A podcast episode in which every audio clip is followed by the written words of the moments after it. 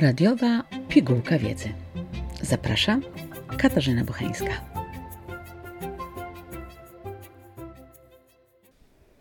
Dzień dobry Państwu. Dzisiejsza pigułka wiedzy, Szanowni Państwo, o tajemniczo brzmiącym zaburzeniu hikikomori.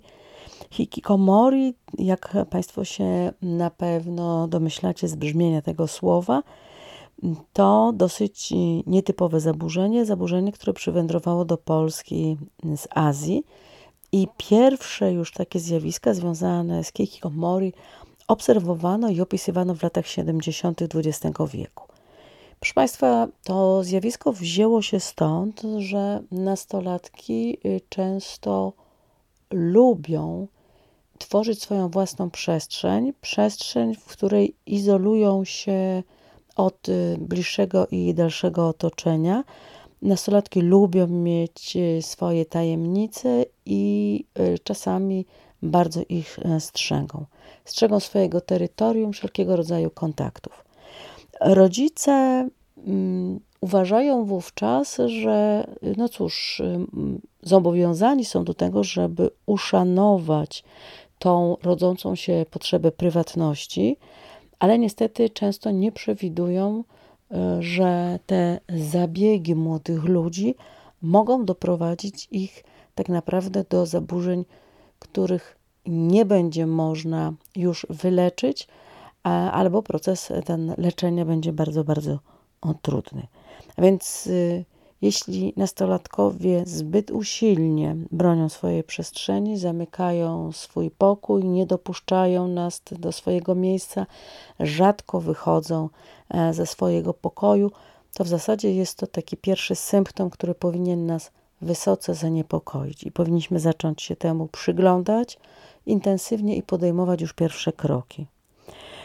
W latach 70., kiedy w Japonii opisywano zjawisko hikikomori, to uznawano je wówczas jako chorobę społeczną, która stawała się takim problemem wynikającym z tego, że młodzi ludzie w pewnym momencie decydowali się na to, że nie będą na przykład stawiali czoła wyzwaniom edukacyjnym, Mm, i zaczynali, krótko mówiąc, wagarować, ale to były tak zwane wagary w domu, czyli zamykali się w swojej przestrzeni.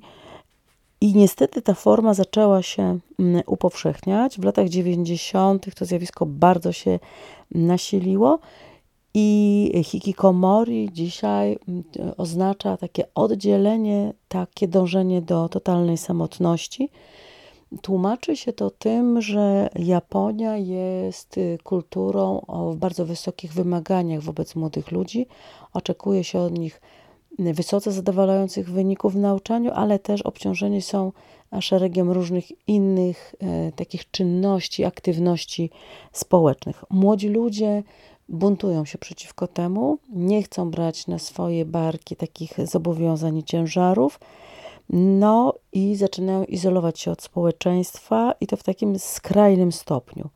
Nie chodzą do szkoły, nie chodzą na uczelnię, nie podejmują pracy zawodowej, nie utrzymują też relacji towarzyskich, nie wchodzą w żadne związki partnerskie, nie rozwijają też żadnej formy hobby. Krótko mówiąc, nie podejmują żadnych czynności, które zmusiłyby ich do tego, żeby opuścić swój własny dom i swój własny pokój. Dochodzi do tego, że przy tym zaburzeniu młodzi ludzie przebywają cały dzień w swoim pokoju, w tym pokoju tworzą swój taki mały świat, ale ten świat y, bardzo jest ograniczony do, do wszystkich nawet czynności wewnątrz niego, ponieważ to chorobliwe unikanie bezpośrednich kontaktów z ludźmi okazuje się, że dotyczy także domowników.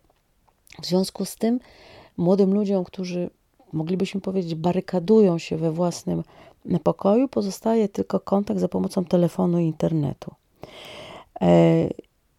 Hikikomori to nie tylko uzależnienie od sieci, choć y, niektóre objawy rzeczywiście tak wyglądają. Człowiek dotknięty hikikomori nie wychodzi z pokoju nawet do toalety. Aby załatwić y, swoje potrzeby fizjologiczne, używa butelek czy też innych naczyń czasami pod osłoną nocy wymyka się z tego pokoju, ale wtedy jak taki wystraszony szczur bardzo uważa na to, żeby z nikim się nie spotkać, na nikogo się nie natknąć. Oczywiście zapytacie Państwo, e, czy taka osoba może w ogóle funkcjonować, e, z czego żyje. No niestety tutaj pojawia się pewien problem, taki społeczno-rodzinny, ponieważ e, ten problem dotyczy najczęściej młodych mężczyzn, no a członkowie rodzin, często matki, biorą na siebie obowiązek jednak wspierania swoich synów poprzez to, że na przykład dostarczają im pod drzwi jedzenie. W związku z tym mm, wiele lat młodzi ludzie mogą być zamknięci właśnie tak w pokojach i dożywiani przez członków rodziny. W związku z tym jakby utrzymuje się taki ten ich statut odosobnienia i samotności. Kiedyś mówiło się w latach jeszcze 90., że to dotyczy nastolatków, ale dzisiaj wiemy już, że ta granica wieku bardzo się e, jakby przesunęła, ponieważ e, matki opiekujące swoimi dziećmi Y, które właśnie reprezentują zaburzenia hikikomori, to synowie, którzy osiągają nawet 40 rok życia. Ci młodzi mężczyźni nie płacą czynszu, nie chodzą do pracy, nie podejmują się odpowiedzialności za nawet najmniejsze czynności i działania, nawet nie sprzątają własnego pokoju i nikogo nie y, wpuszczają w tę przestrzeń. W związku z tym to sprawia takie wrażenie, że żyją jakby na wysypisku śmieci, bo tam wszystko się latami, miesiącami e, gromadzi. Poza tym narasta w nich taka totalna agresywność wobec tych, którzy chcieliby tę ich przestrzeń naruszyć. Zaczyna się takie błędne koło. Błędne koło z tego powodu, że rodzice, jakby chcąc uniknąć śmierci głodowej własnych dzieci, krótko mówiąc, e, pomagali im e, w tej trudnej sytuacji. Leczenie tego typu zaburzeń jest bardzo trudne. Szacuje się, że między 30 a 70% może się to skończyć powodzeniem. Natomiast wszystko zależy od tego, jak wcześnie podejmie się takie działania i jak zdeterminowane będą te jednostki, które oczywiście zgodzą się na takie leczenie. Musimy pamiętać, e, Szanowni Państwo, że niestety osoby, które reprezentują zaburzenia hikikomori, nie są chętne do podejmowania leczenia, a przymus tutaj w tym względzie na niewiele się zdaje.